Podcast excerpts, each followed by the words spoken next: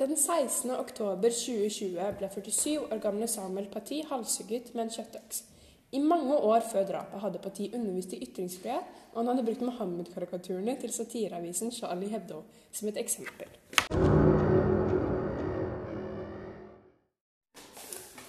Mange muslimer mener det er galt å avbilde profet Mohammed på en satirisk måte.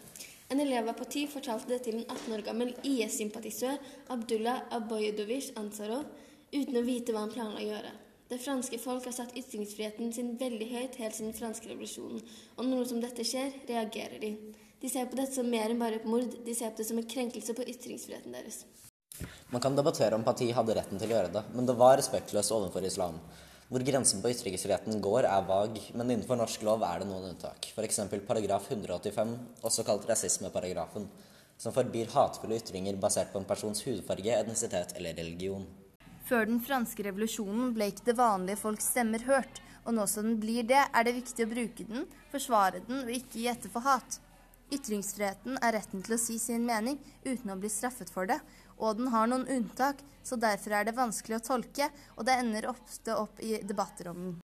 Jeg mener vi burde ha det, fordi hvis man ikke har det, kan ikke folket ytre seg om noe som angår de tre statsmaktene. Men med tanke på andre medmennesker, som enkeltpersoner, så mener jeg at det burde finnes unntak, sånn som det finnes i dag. Jeg mener ytringsfrihet er ekstremt viktig, og det er verdt det om noen blir krenket for å bevare den. I konklusjonen er det mange forskjellige synspunkter, og mange er veldig uenige om dette, inkludert oss. Vi har i hvert fall nå delt våre meninger, og nå må du komme til din egen konklusjon om saken.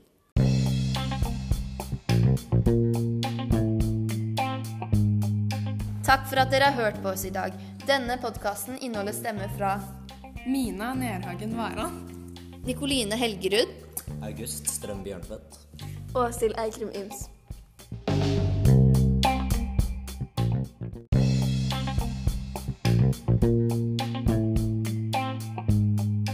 Kildene brukt til denne podkasten er SNL og Le Monde.